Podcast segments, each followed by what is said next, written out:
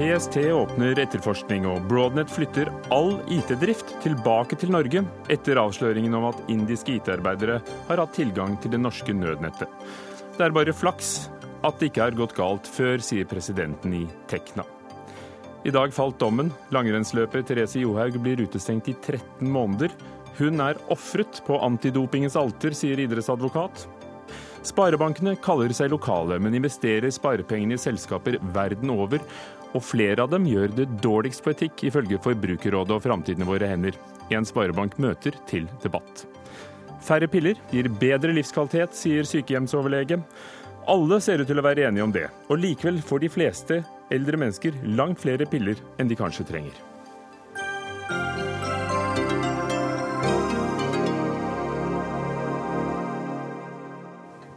Velkommen til Dagsnytt 18 med Ugo Fermariello i studio i ettermiddag. PST skal etterforske om loven ble brutt da indiske IT-arbeidere hadde tilgang til det norske nødnettet, som NRK avslørte tidligere denne uken. Samtidig flytter selskapet Broadnet, underleverandøren til nødnettet, all IT-drift hjem til Norge fra India. I ettermiddag åpnet også Nasjonal sikkerhetsmyndighet tilsynssak mot Direktoratet for nødkommunikasjon. Og Nødnettet er altså det nøttet som skal sørge for eh, god kommunikasjon i Norge ved store ulykker, brann og eventuelt terroraksjoner. Lise Lyngsnes eh, Randeberg, president i Tekna, som organiserer nettopp mange IT-ingeniører.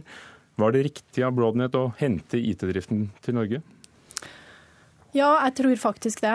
Eh, selv om kanskje motivasjonen akkurat nå var litt mer sånn panikkarta quick fix, så, eh, så tror jeg det er riktig.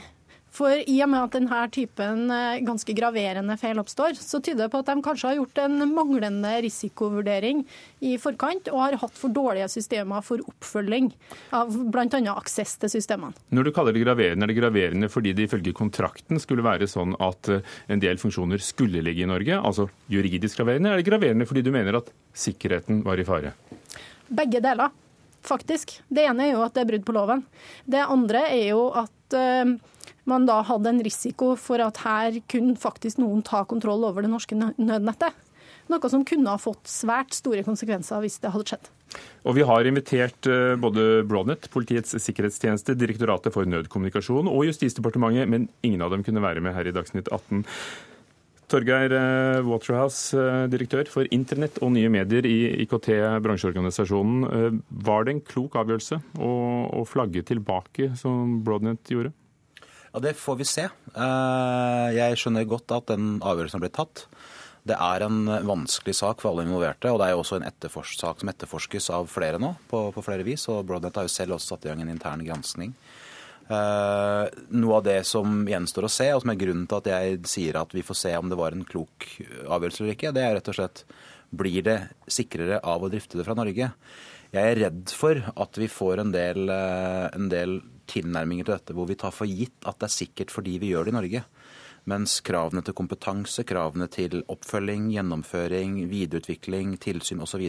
vil være akkurat like tøffe, måtte være like tøffe om vi gjør det fra Norge eller India eller Tokyo eller London. Så, Men når det gjelder et nødet, så handler det jo også om ting som sikkerhetsklarering for å drifte deler av, av nødnettet? Ja, absolutt. Og det er noe av det som gjør denne saken såpass spesiell også. At det er ikke bare et tilfeldig nettverk, det er en veldig sentral del av norsk samfunn og norsk kritisk infrastruktur. Og I det perspektivet så er det en, en, god og viktig diskusjon som kommer nå om dette skal være lov eller ikke lov å ha utenfor Norge. Om det, lovverket er brutt eller ikke, får etterforskningen avgjøre.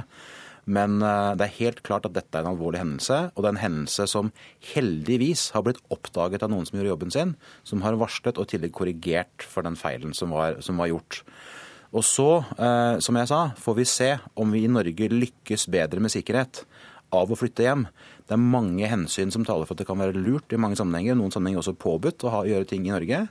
Men ikke, vi må ikke tro at det automatisk blir sikrere av seg selv. Du brukte ordet alvorlig. Hvor alvorlig mener du dette var? Dette er, eh, det er veldig alvorlig, fordi det er et nettverk som ingen skulle hatt tilgang til på den måten. Og det er et kritisk nettverk i Norge. Eh, det ser ut til, heldigvis, at det ikke har skjedd noe annet enn noen som skulle ha, ha tilgang, har fått det. Eh, men dette er et veldig godt eksempel, og jeg mener vi må se på dette som et varsko for oss fremover. Myndighetene skal, og det skal vi klare, myndighetene, kunden her, direktoratet, har også kjent til og godkjent driftsmodellen. Lise Lyngsnes Randeberg, blir det sikrere av at det skjer i Norge?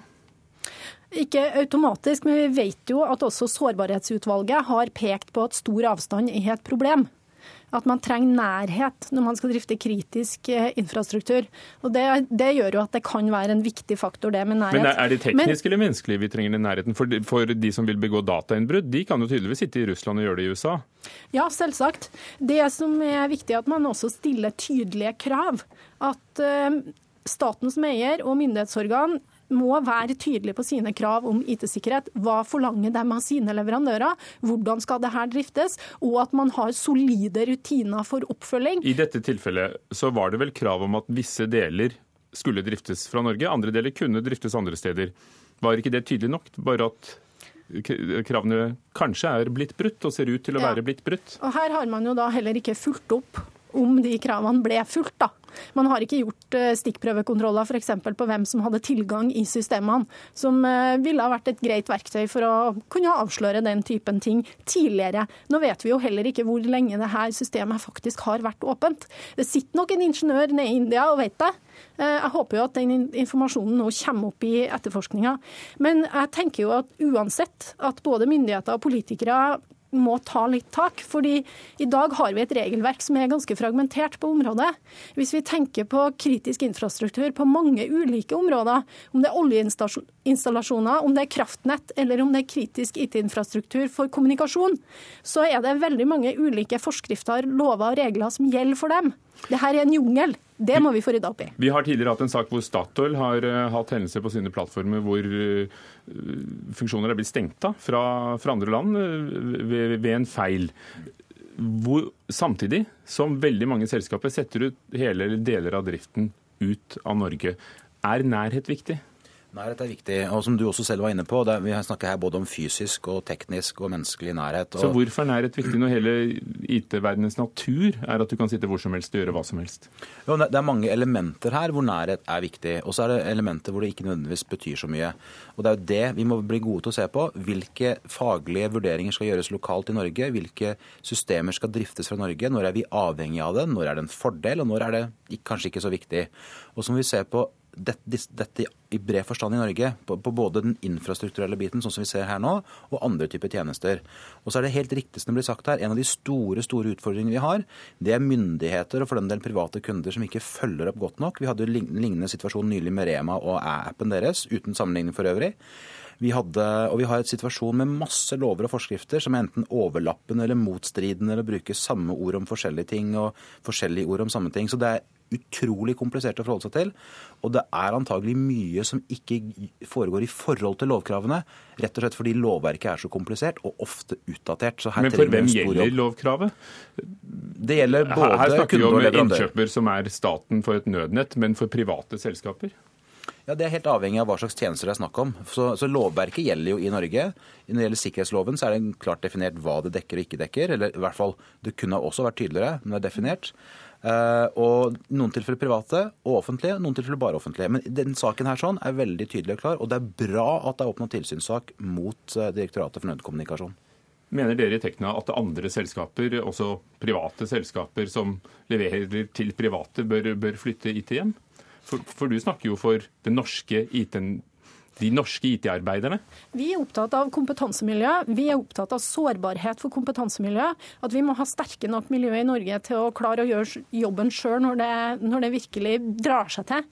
Og Det handler også om å ha kompetanse til å kjøpe inn riktige tjenester, til å få de gode løsningene. Da må du også ha gode IT-miljøer sjøl. Hvis vi kjøper inn de riktige tjenestene, og de kan leveres billigere hvis de er driftet fra India, da får vi kanskje mer for pengene? Men da må du ha kompetansen til å vite at du kjøper de riktige tjenestene. Og så må du ha kompetanse til å følge opp at de faktisk gjør jobben sin. Og dermed så trenger du også et IT-miljø sjøl for å greie å gjøre det. I tillegg så vil jeg gjerne også se mer IT-kompetanse i ledelsen og i de strategiske beslutningene i bedriftene.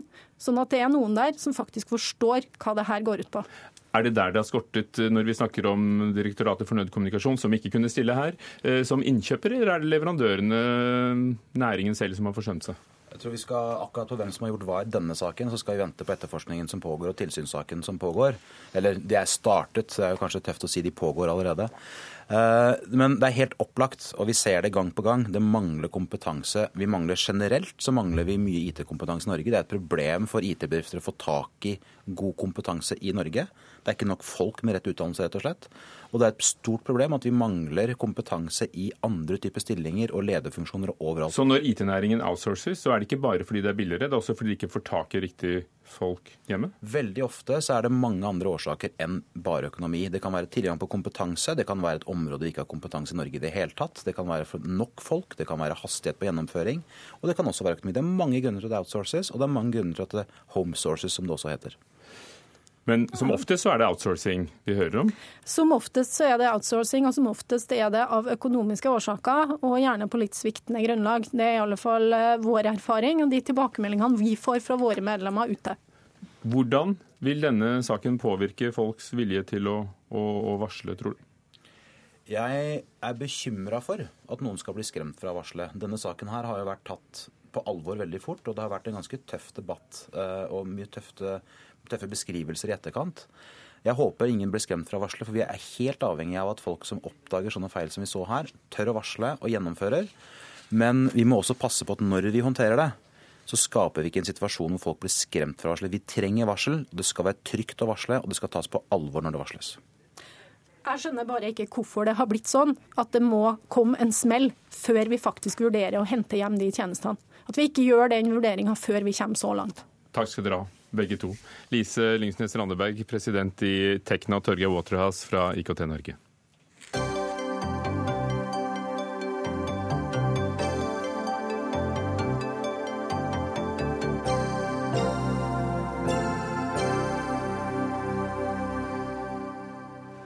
I dag konkluderte domsutvalget i Norges idrettsforbund. Langrennsløper Therese Johaug blir utestengt i 13 måneder etter å ha testet positivt på et forbudt stoff i fjor høst. Det betyr at hun eh, igjen kan konkurrere fra 18.11. i år, hvis eh, denne avgjørelsen blir stående. Johaug har ikke tatt stilling til om hun skal anke. Det har eh, heller ikke verdens antidopingbyrå WADA eller Det internasjonale skiforbundet FIS gjort. Christian B. Hjort, du er Therese Johaugs advokat.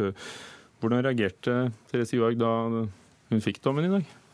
Vel, Hun syns det er vanskelig å forstå, selv om regelverket er strengt, at hun har gjort noe som kan gi grunnlag for 13 måneders utelukkelse. Men hvordan vurderer du dommen? Jeg vurderer dommen som streng. Og har, det, er mange, det, er mye godt som står i, i domsutvalgets avgjørelse som jeg kan slutte meg til. Men det jeg har vanskelig for å forstå, er at domsutvalget med de vurderinger de legger til grunn, kan komme til at hun er å bebreide, om enn ubetydelig. Domsutvalget har vist til at det var ingen særlige varsellamper som lyste i den situasjonen som Therese Johaug var i. Hun, de viser videre til at hun aktivt undersøkte kremen ved å spørre landslagslegen. Og de legger også til grunn at eh, det var utenkelig for henne at han kunne ta feil i den situasjonen. Og da er det vanskelig, selv om regelverket er stengt, å forstå hva som konkret er å bebreide henne i den situasjonen.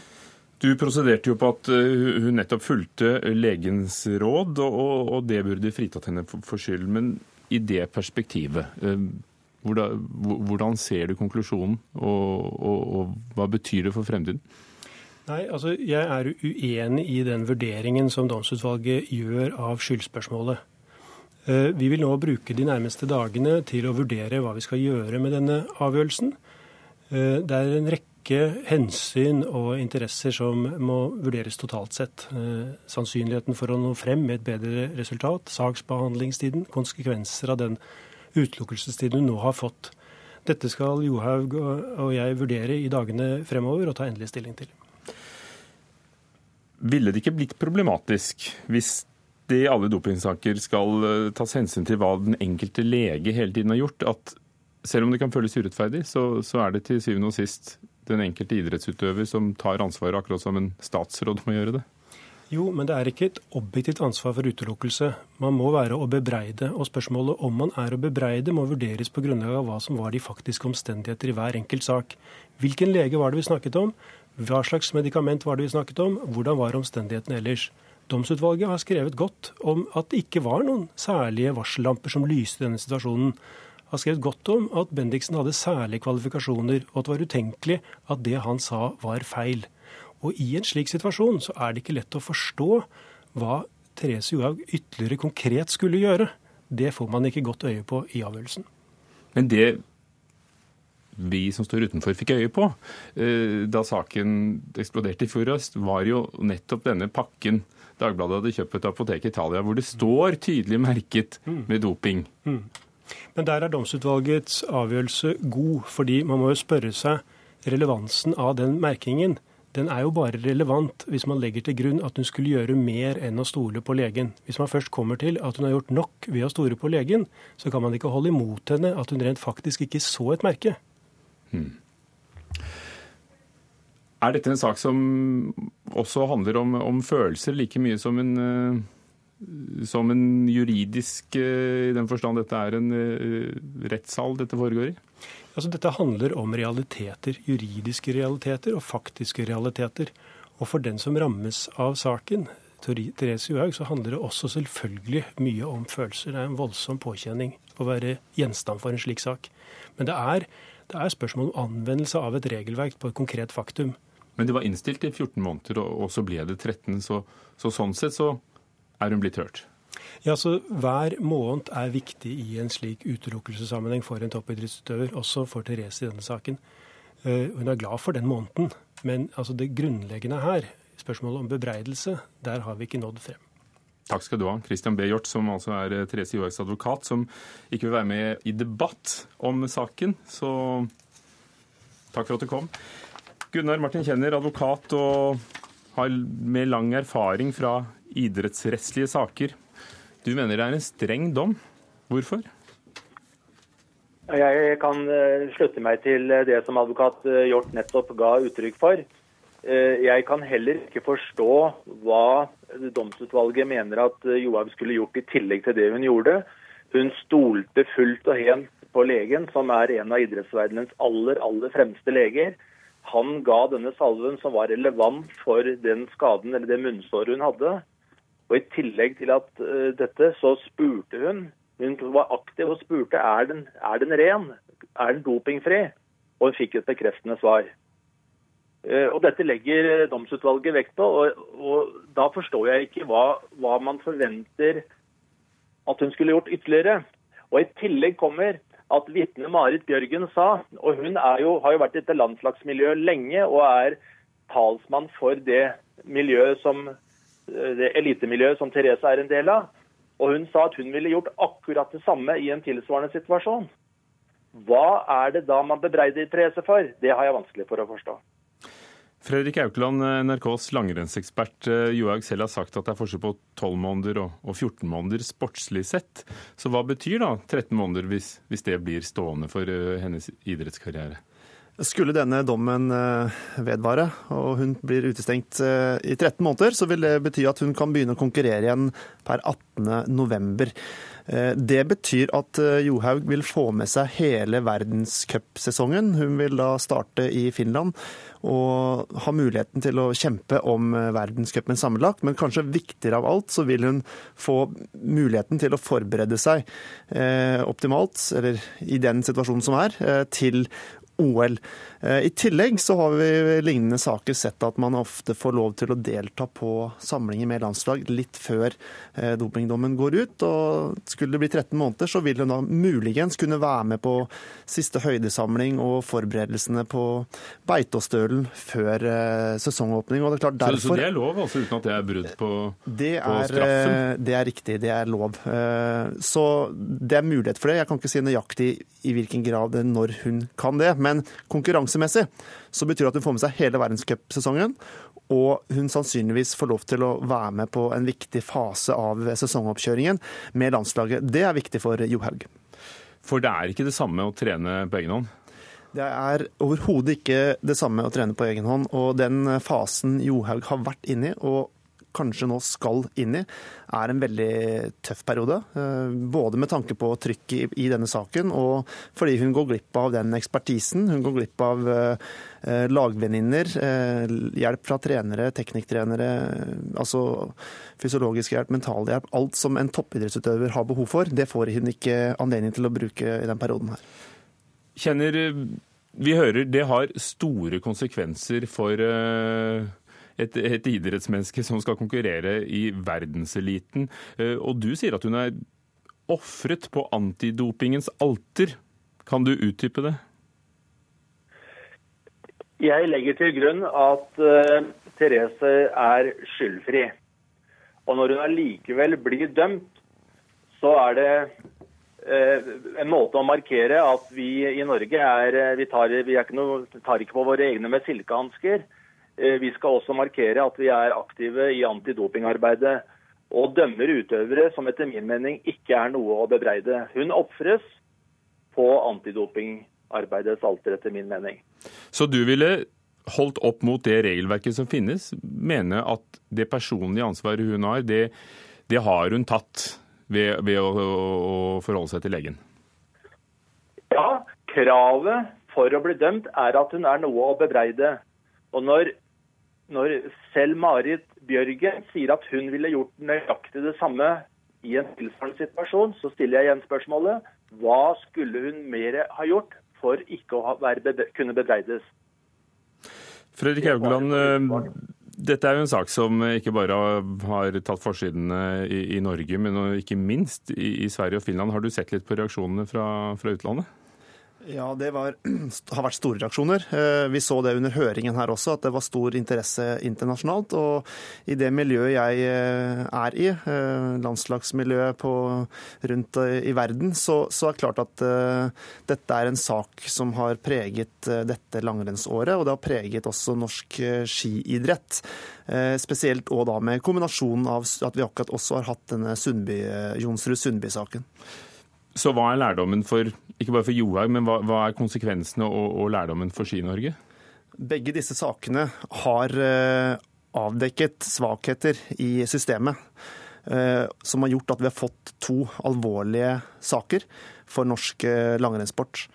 Jeg er glad for at Norges Skiforbund har allerede raskt innført strakstiltak i sine rutiner, som gjør at Eh, at vi vil unngå å få lignende tilfeller videre. Og så håper jeg på åpenhet og klare linjer, slik at vi slipper å få lignende saker hvor utøvere blir satt i en slik situasjon.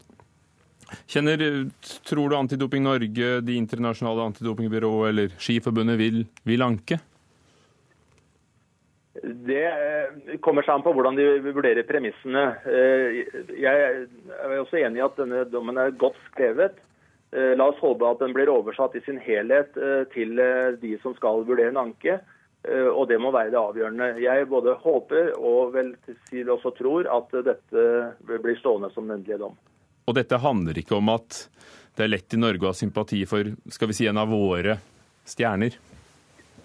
Nei, på ingen måte. Det har ingen, ingenting med det å gjøre. Det, den problemstillingen den avviser jeg helt. Takk skal dere ha. Gunnar Martin Kjenner, advokat med nettopp idrett som fagfelt, og til deg, Fredrik Aukland, NRKs langrennsekspert.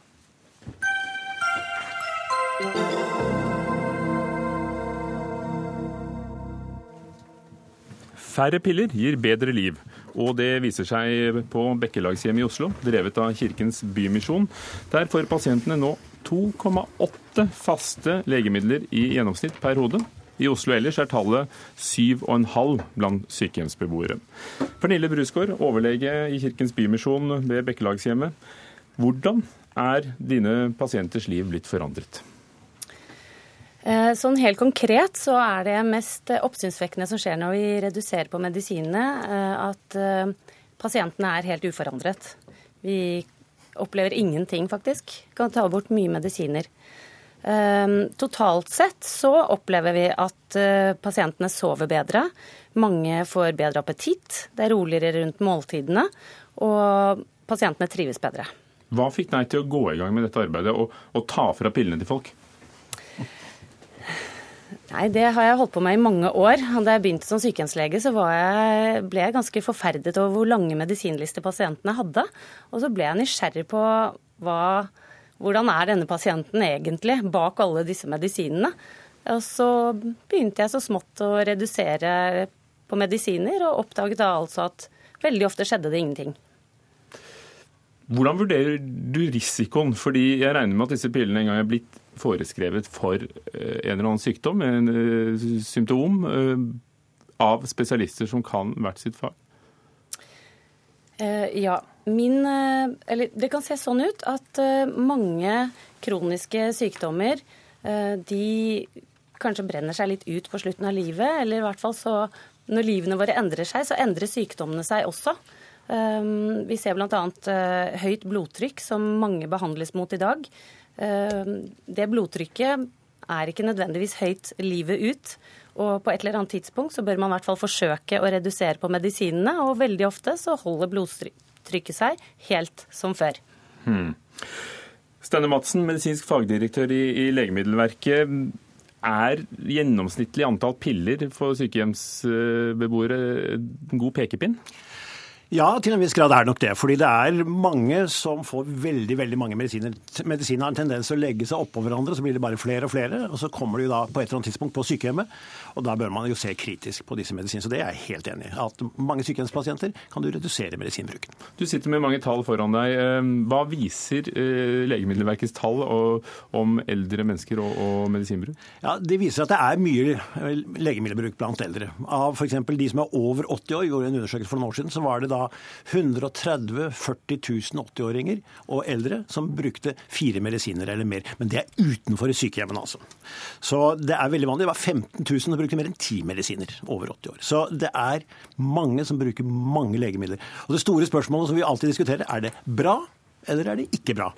Det er det ingen som egentlig har noe patent svar på. Men hvis du gjør det riktig, så er det bra. Gjør du det feil, så går det dårlig med pasientene. For hvordan få folk det bedre i hverdagen? Eh, jo, altså De slipper jo da å ta en neve tabletter eh, før frokost. Sånn at de eh, får ofte bedre appetitt.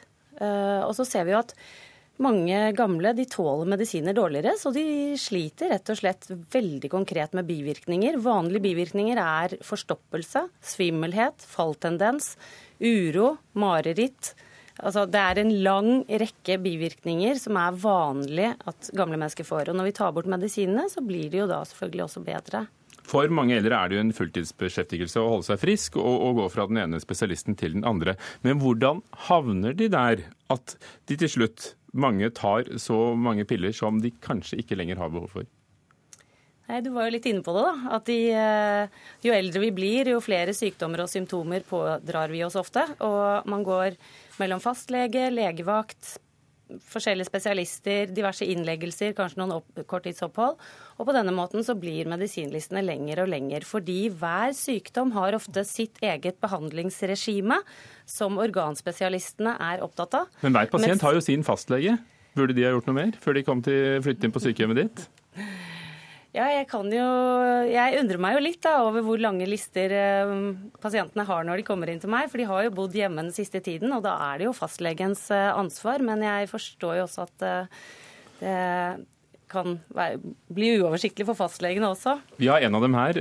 Petter Brelin, du er leder for Norsk forening for allmennmedisin med 4700 fastleger som medlemmer. Forsømmer dere dere når eh, pasientene får en smørbrødliste fra alle spesialistene og kanskje helheten blir borte? Jeg vil ikke si at vi forsømmer oss, men vi kunne nok ha gjort en bedre jobb med å rydde i pasientens medisiner. Men vi opplever at det ikke alltid er veldig enkelt. Det er jo sånn at eh, folk eh, i denne alderen har en veldig stor tiltro til, til spesialistene de har vært hos. Og det å gi pasientene råd om at de skal redusere antall medisiner som forskjellige spesialister har forskrevet, det er ikke alltid noen enkel oppgave. Nei. Men det er jo jobben deres? Det er jobben vår, og den gjør vi. Vi har en egen sånn program som eh, vi har satt i verk for alle pasienter som bruker fire legemidler eller mer. Og vi prøver hele tiden å justere medisinene sånn at pasienten har det best mulig, uten å fjerne de medisinene som pasienten faktisk trenger. Truskår? Ja, jeg tenkte jeg ville kommentere på dette med de lange listene når pasientene kommer inn eh, på sykehjem hos oss. fordi eh, det kan virke som at uh, terskelen for å få en sykehjemsplass den er veldig høy. Og vi ser at det kan vi til og med se av medisinlistene. Den er full av medisiner mot depresjon, angst, uro, søvnløshet, smerter, diffuse smerter.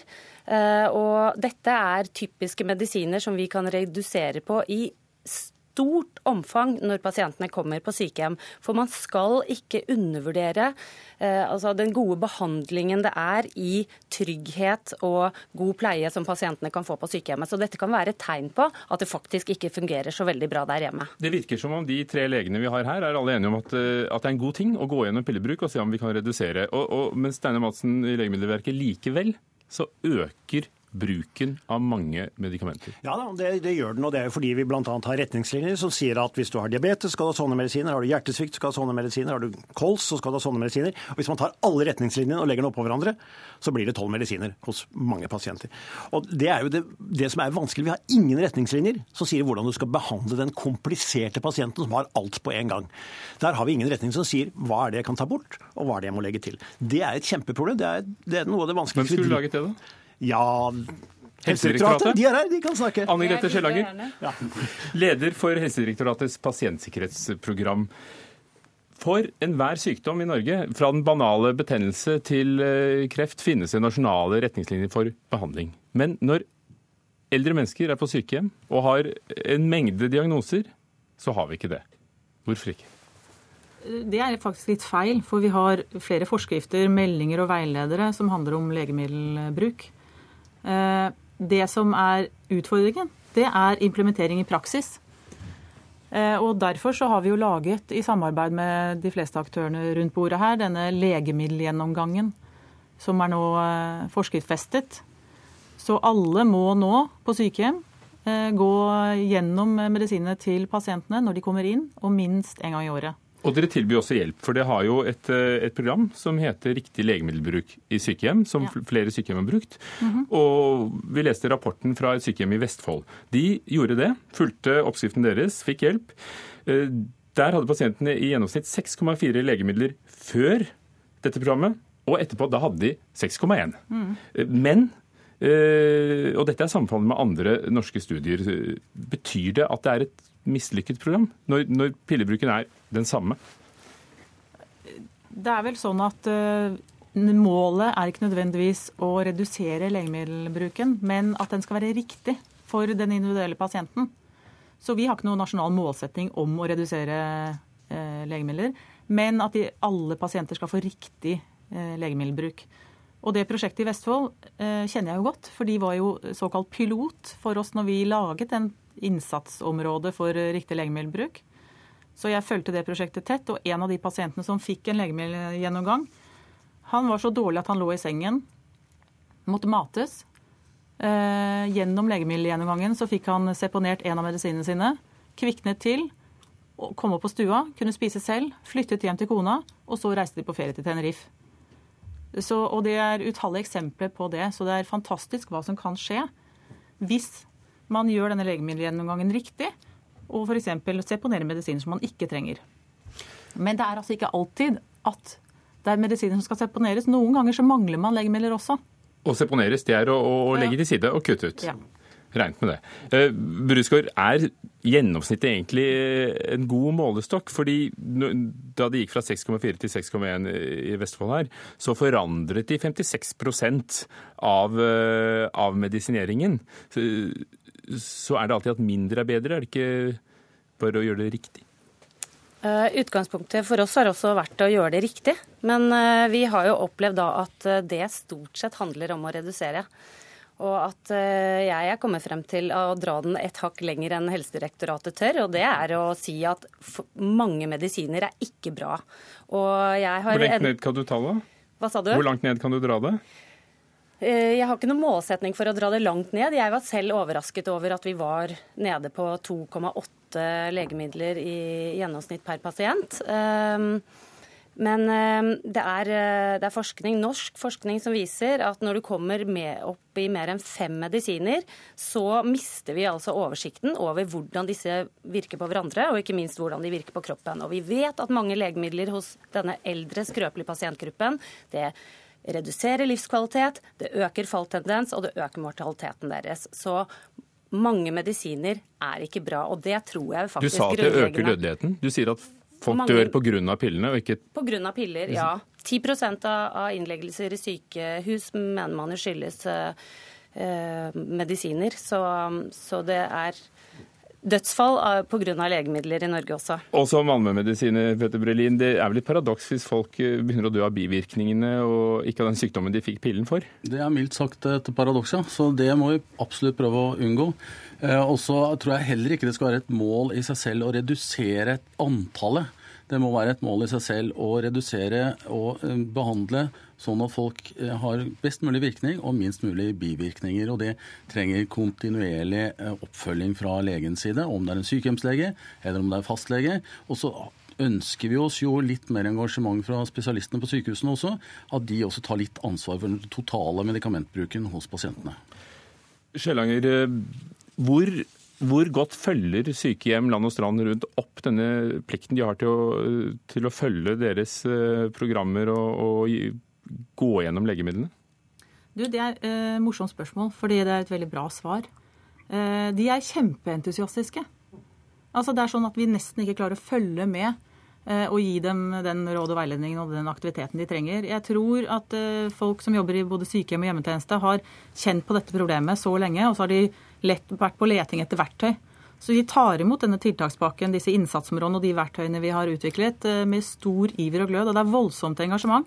Vi har nå 64% av alle norske kommuner med dette programmet. Så det gjøres veldig mye bra.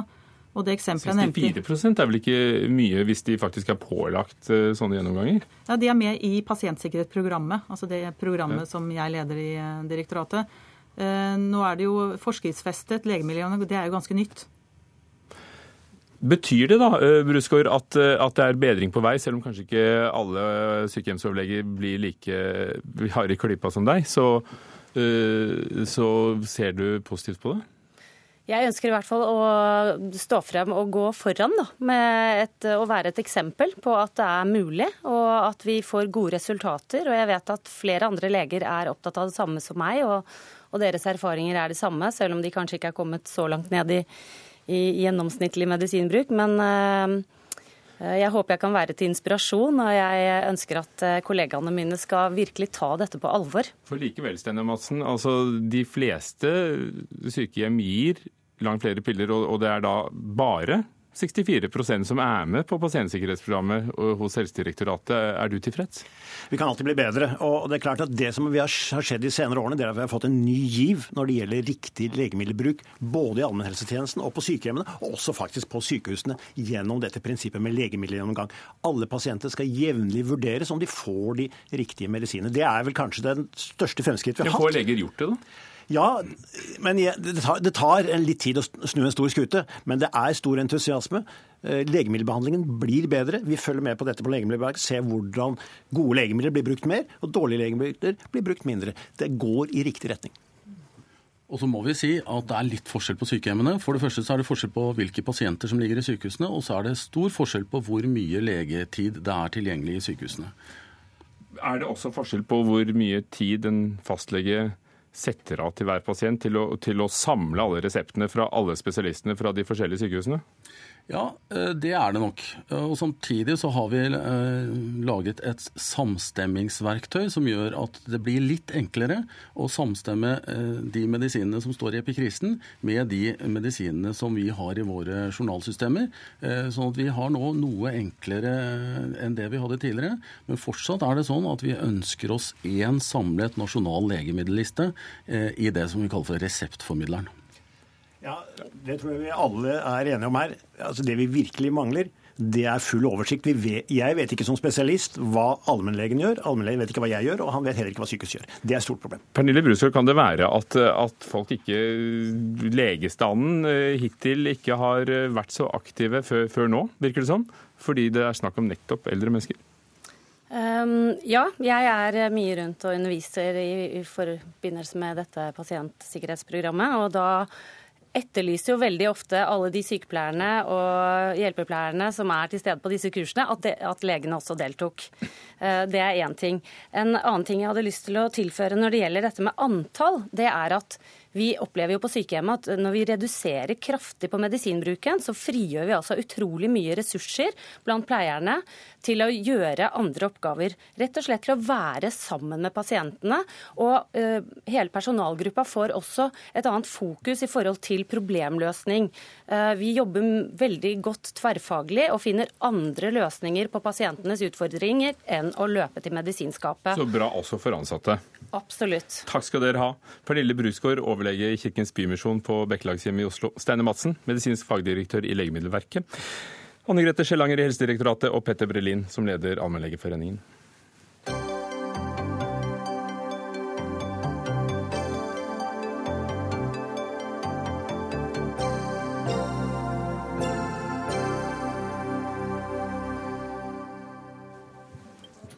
Sparebankene markedsfører seg ofte som lokale banker. Og Sparebank1 Nord-Norge er intet unntak. De er nære og dyktige. En samarbeidspartner for et aktivt næringsliv og et levende lokalsamfunn og et kulturelt mangfold omkring oss. Det er deres ord. Men flere hundre milliarder av nordmenns sparepenger er plassert i selskaper over hele verden, og Sparebank1 Nord-Norge er verst i klassen når det gjelder etikk. På bunnplasseringen og skårer 7% på en oversikt.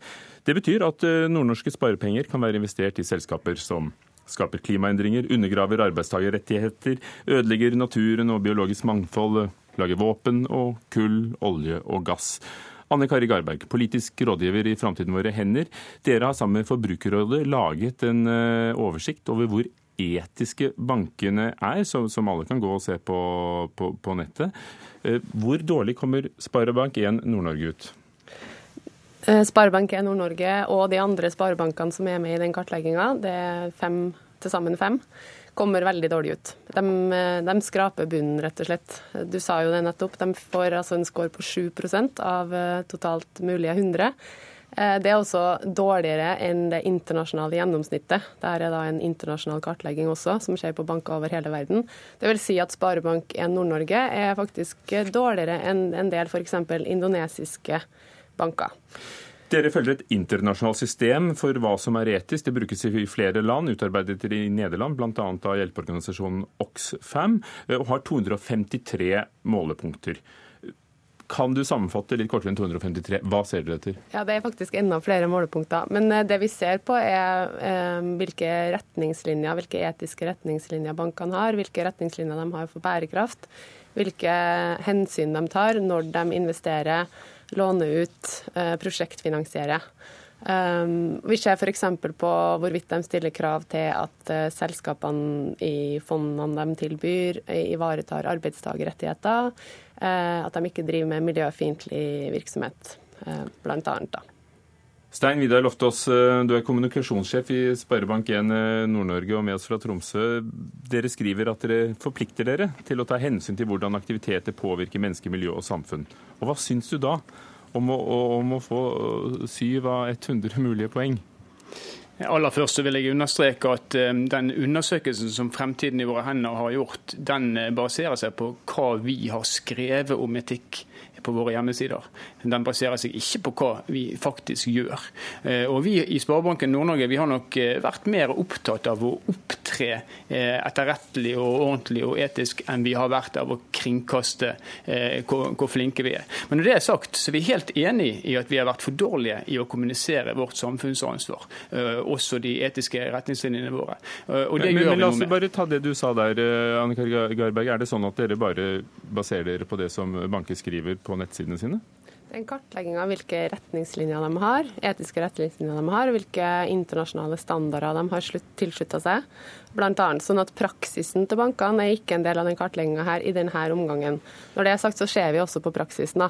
Men det, jeg må jo være enig i at de har vært innmari dårlige på å kommunisere sitt samfunnsansvar. Um, For Er det sånn da, Loftaas, at du, du sitter her og sier at dere er mye bedre enn det dere faktisk sier?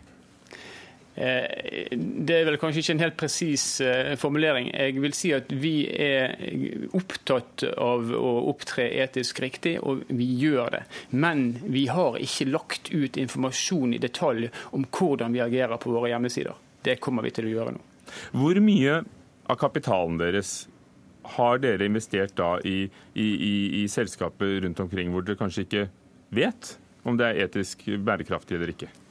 Ja, det er veldig vanskelig å være konkret på et tall der. Vi har gode systemer for hvordan vi investerer i utenlandske selskaper. Vi har eh, både stikkprøver, vi har årlige gjennomganger av alt. Vi har fondsleverandører som, eh, som, bruker anerkjente analysesystemer for å gjøre dette. Så jeg har lyst til å si at vi har ikke investert noe uetisk, men vi kan aldri gi garantier om disse temaene. Det kan være slik at du investerer i et selskap ett år, og alt ser fint og flott ut. Og det neste året så er de kanskje involvert i noe som, som, du gjerne ikke vil være bekjent av. Og Da er det viktig at man har systemer som fanger opp dette, og at vi evner å gjøre noe med det. Det har vi i praksis vist at vi, vi klarer. Så hvordan har dere da i, framtiden våre hender gått for å finne ut av hva bankene faktisk gjør, hvis de ikke skriver så mye? Det er, vi jo, det er vi jo i ferd med å gjøre nå. da. Eh, følge opp med stikkprøver og, og se på hva som er bankene sin investeringspraksis på ulike områder. Så da vil vi jo se da, om eh, Sparebank1 Eh, ikke investerer uetisk overhodet, sånn som de her hevder. Jeg plukker opp her at det blir sagt at de skal legge ut de etiske retningslinjene de har, og de internasjonale standardene de har tilslutta seg til, og det er veldig bra. For de har hatt ett år på å fortelle oss. Eh, vi i samarbeid med Forbrukerrådet har jo gjennomført denne undersøkelsen, og vi har jo vært i jevnlig dialog med alle bankene som er med i det her. Eh, de har fått se eh, resultatene av den kartlegginga vi har gjort, og har fått flere anledninger til å korrigere. Gjøre oss oppmerksom på retningslinjer som ikke har vært synliggjort eller tilgjengelig. Og Loftaas var jo i kontakt med oss på et tidspunkt i året som gikk, og sa at han ønska å oppdatere resultatene fra Sparebank1 på eh, etisk bankguide, og fulgte aldri opp. Så det er jo veldig uheldig, vil jeg si. Og Én ting er overfor oss, men en annen ting er overfor kundene i Sparebank1. At de ikke er mer åpne om hvordan de jobber, og hvordan de forvalter så store eh, summer som de gjør. Eh, jeg syns mm. også det er ganske sporty å hevde at de ikke investerer uetisk. for det kan du dokumentere? Nei, jeg bare mener at når du ikke har retningslinjer på plass Det granskninga vi har gjort viser, er at det skjer ytterst sjelden, om ikke aldri, at praksis er bedre enn det retningslinjene skulle tilsi. Stein Vidar Loftaas, ville det ikke vært også godt for markedsføringen deres å, å ha da, tydelige retningslinjer som folk kan se? Ja, altså, Først må jeg korrigere det som, eh, som eh, hun sa nettopp om at ikke vi har retningslinjer. For vi har retningslinjer, men det som jeg innledningsvis sa, det er at vi har ikke synliggjort disse på hjemmesidene våre. Vi har gode retningslinjer. Men du har helt rett i det. det vi ønsker òg, og vi ser òg at det er eh, en betydelig større oppmerksomhet rundt disse temaene nå enn hva det det har vært. Og vi kommer, vi kommer, til, vi kommer til å legge til rette for at folk skal kunne, kunne få et innblikk i hvordan vi styrer styrer når det gjelder etikk og bærekraft. Er bærekraft og etikk viktigere enn å, å sikre god avkastning på kapitalen? For det må jo være eh, et av de første budene for en bank?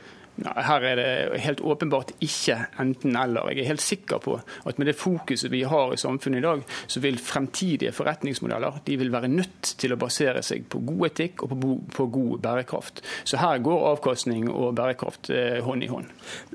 I november sa du til Aftenposten at det virker for oss som dette er ment for multinasjonale selskaper, og ikke en norsk sparebank som opererer utelukkende i Norge og under norsk lov. Men sparebankene plasserer altså 680 milliarder kroner sparebankene til sammen, i fondskapital over hele verden, eh, ifølge Framtiden i, våre hender. Eh, og er det da et paradoks at dere omtaler dere selv som lokale og norske?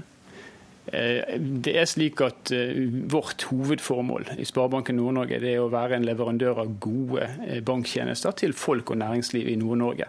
Det er vårt primære mål.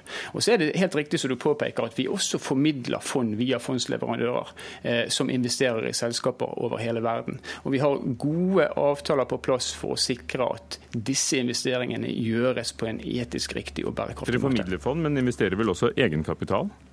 Eh, det er detaljer her som jeg ikke vil kommentere på direkten, fordi jeg har ikke tilstrekkelig innsikt i det. men Du har nok helt sikkert rett i det, men det er de samme retningslinjene som gjelder da, som det som våre fondsleverandører styrer etter.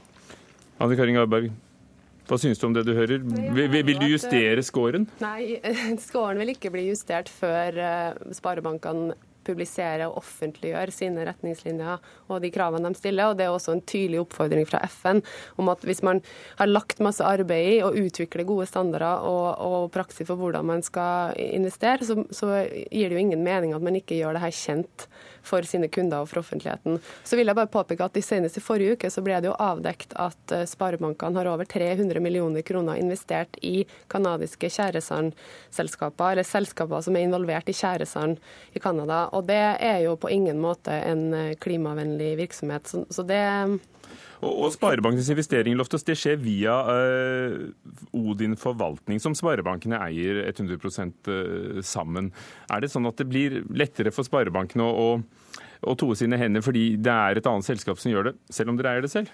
På ingen måte. Vi har eh, akkurat de samme interessene, vi og Odin, for at de investeringene som gjøres, gjøres på en etisk forsvarlig måte, og på en måte som sikrer god, god bærekraft. Så, så nei, vi kommer ikke til å toe våre hender. Takk skal dere ha. Stein Vidar Loftaas, kommunikasjonssjef i Sparebanken 1 Nord-Norge, og Anne Kari Garberg, politisk rådgiver i Framtiden våre hender.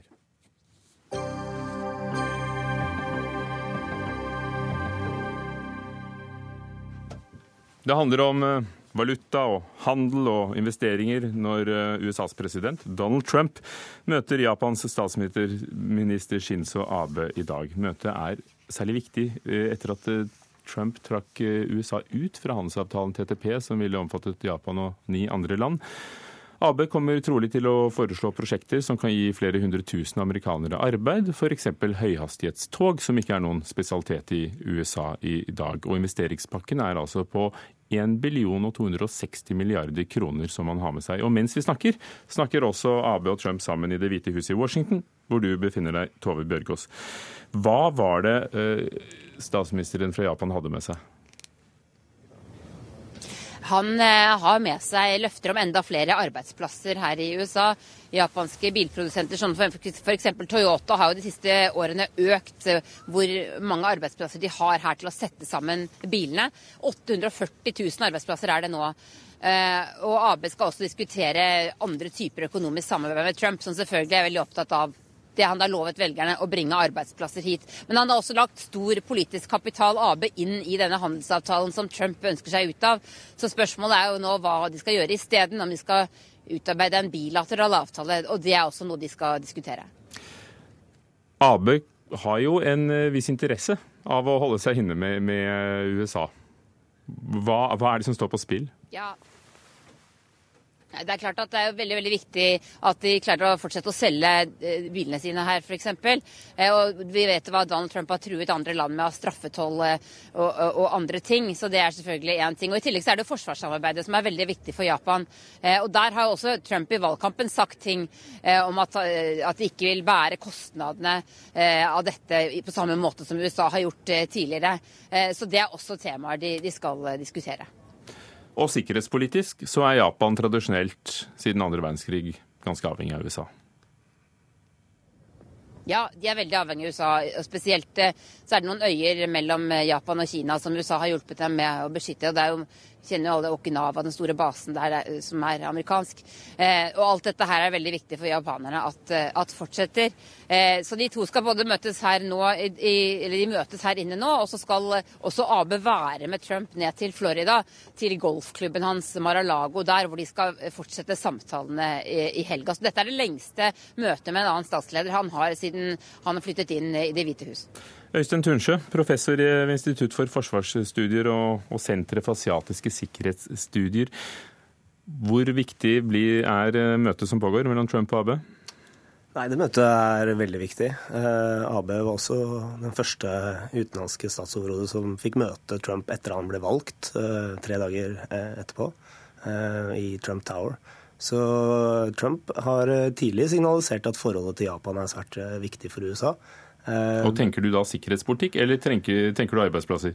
Nei, her er det jo selvfølgelig begge deler. Eh, Men jeg tenker først og fremst eh, sikkerhetspolitikken. At Japan er USAs viktigste alliert i det som er den største hovedutfordringen for USA i årene som kommer. Og det er å demme opp for Kina i Øst-Asia-regionen.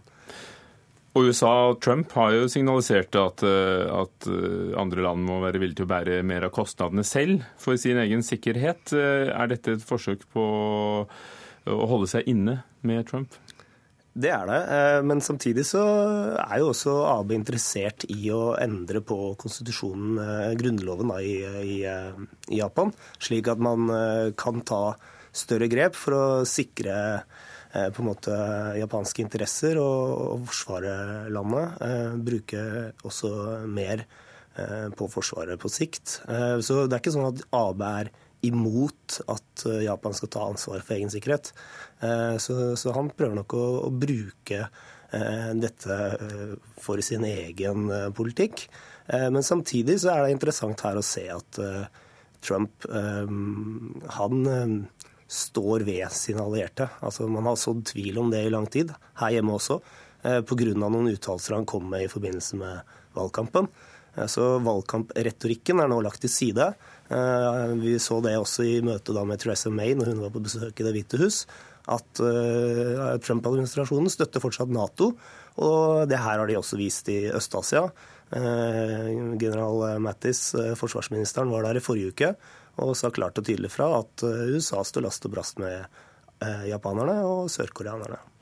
Og en eh, annen ting Tove Bjørgaas, som Trump har endret litt på, er jo da forholdet til Kina etter en telefonsamtale med Kinas president Xi Jinping om nettopp ett-Kina-politikken, som han nå har sagt at han støttet. Nye takter, hvordan blir det tatt imot i USA? Nei, Det fikk jo store oppslag her i morges. Det var altså sent i går kveld eh, eller natt her at eh, Trump hadde en telefonsamtale med Xi Jinping hvor han sa, Jinping, hvor han sa at eh, USA nå støtter ett-Kina-politikken. Han har jo tidligere sagt at alt er oppe til forhandlinger, også denne politikken USA har hatt siden 70-tallet om at man ikke anerkjenner Taiwan som en egen stat. Så det er klart at dette er veldig, veldig viktig for dem, dem som er opptatt av stabilitet i akkurat det dere snakket om i sikkerhetspolitikken i forhold til Asia her. Eh, og veldig opptatt av, og, Derfor så får det også stor eh, oppmerksomhet. Eh, og Det kan jo også ha sammenheng med Nå vet jeg at Trump hadde en middag i går kveld med utenriksminister Rex Tillerson. Og kanskje nå har han begynt å få på plass mer av staben sin. Ikke bare de inne i Det hvite hus, men også ministerne utenfor. Og kanskje vil da vil få se en mer normalisering av, av enkelte sider av, av politikken. Øystein Tunsjø, hvordan oppfatter du den eh, samtalen mellom eh, Xi Jinping og Donald Trump? Nei, Den er svært viktig på mange måter. Den er viktig pga. ett-Kina-politikken. Men der skal man eh, legge merke til at den pressemeldingen som Det hvite hus eh, sendte ut, så står det He, altså, President will honor our one China policy. Eh, Det betyr at vår, det betyr den amerikanske ett-Kina-politikken. Og Der ligger det litt ambiguitet, faktisk, som gjør at man har et visst handlingsrom i Taiwan-spørsmålet. Eh, Så får vi se om de vil benytte seg av det i eh, ukene, månedene og årene som kommer. Men det er litt annerledes enn hvordan kineserne tolker ett-Kina-prinsippet, som er det de ofte bruker, og ikke amerikansk eh, ett-Kina-politikk. Eh, Viktige forskjeller. Japans statsminister har rukket å si at han var glad for denne samtalen og Ja. uttalelsen. Det er, det, er, det er ikke noen tvil om at dette fører til stabilitet. Altså Hadde uh, Trump gått inn for å rokke ved ett-Kina-politikken, så hadde man gått mot potensiell konflikt i regionen. Militær konflikt.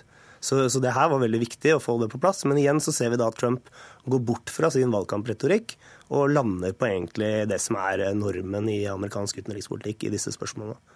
Tove Bjørgaas, eh, kommer Shinkansen, eh, lyntoget fra Japan, til eh, USA og får fart på, på togene der? Ja, det hadde vært fint. Det hadde i hvert fall vi som bor her på østkysten satt stor pris på, som sitter og humper oss eh, opp til New York på det såkalte hurtigtoget eh, som eh, Acela og Amtrak kjører dit, som er et utrolig dårlig tog til en veldig, veldig høy pris. Men eh, det er jo ikke hurtigtoget USA har satset mest på, så det vet jeg ikke. Takk skal dere ha, Tove Bjørgaas, korrespondent i Washington, Øystein Tunsjø ved Institutt for forsvarsstudier. Fredrik Lauritzen var ansvarlig for dagens eh, Dagsnytt 18. Finn Lie hadde tekniske ansvaret. Ugo Fermarello var programleder. Takk for i dag.